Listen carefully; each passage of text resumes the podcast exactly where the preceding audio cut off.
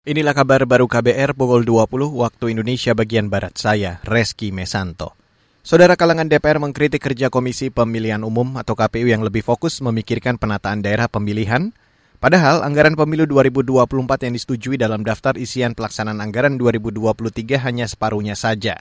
Anggota Komisi Bidang Pemilu DPR, Junimart Girsang mengingatkan, Putusan Mahkamah Konstitusi tahun lalu memerintahkan KPU lebih fokus memikirkan anggaran pemilu daripada menata daerah pemilihan. Yang diberikan kewenangan, Pak, bukan perintah. Kita mesti pahami semua ini, Pak. Jadi jangan KPU bikin kerja-kerja baru, Pak. Kalau Bapak kegenitan nambah, nambah dapil, Pak. Ini aja nggak bisa, Pak. Jadi jangan bikin persoalan baru. Putusan MK 80 itu, Pak, tidak memerintahkan, Pak. Coba dibaca, Pak Coba dibaca deh. Jadi tidak setiap keputusan itu harus dilakukan. Bisa, ya, bisa tidak. Kecuali diperintahkan, Pak.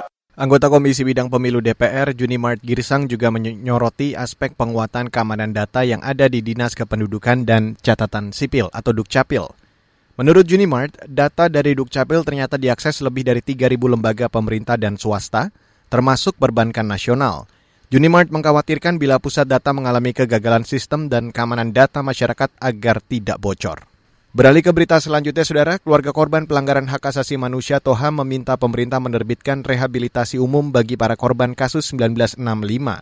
Ketua Yayasan Penelitian Korban Pembunuhan atau YPKP 1965, Christian Erdianto Bejo, Untung mengatakan, penerbitan rehabilitasi umum itu meliputi hak politik, ekonomi, hingga sosial. Jokowi jangan cuma berbahasa basi minta maaf, tetapi harus ada tindak lanjutnya, yaitu negara harus merehabilitasi kami korban yang memang nyata-nyata tidak bersalah. Negara perlu menindaklanjuti dengan menerbitkan surat keputusan rehabilitasi umum kepada seluruh mantan tahanan politik dan juga bukan saja yang di dalam negeri, juga yang di luar negeri korban exile supaya dipulihkan hak-haknya.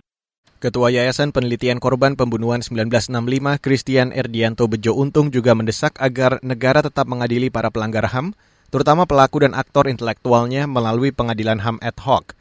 Presiden Joko Widodo hari ini mengakui dan menyesalkan adanya pelanggaran HAM berat masa lalu yang terjadi di Indonesia. Jokowi menyampaikan rasa empati sekaligus menawarkan solusi penyelesaian kasus. Jokowi juga berkomitmen bahwa peristiwa serupa tidak akan pernah terjadi lagi. Saudara, Kementerian Luar Negeri menjadikan posisi keketuaan Indonesia di ASEAN sebagai salah satu prioritas diplomasi 2023. Terkait posisi itu, Indonesia bertekad menjadikan ASEAN tetap penting dan relevan bagi seluruh rakyat se-Asia Tenggara.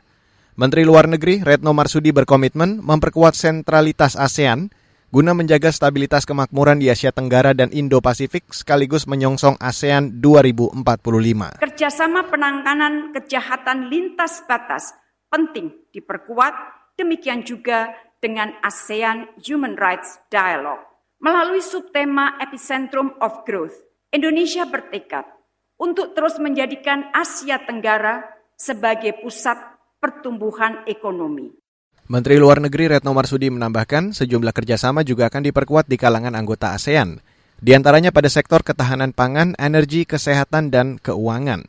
Menurut Retno, Indonesia juga akan menyelenggarakan sejumlah forum internasional, di antaranya ASEAN Indo-Pacific Forum dan dua kali konferensi tingkat tinggi ASEAN pada Mei dan September mendatang.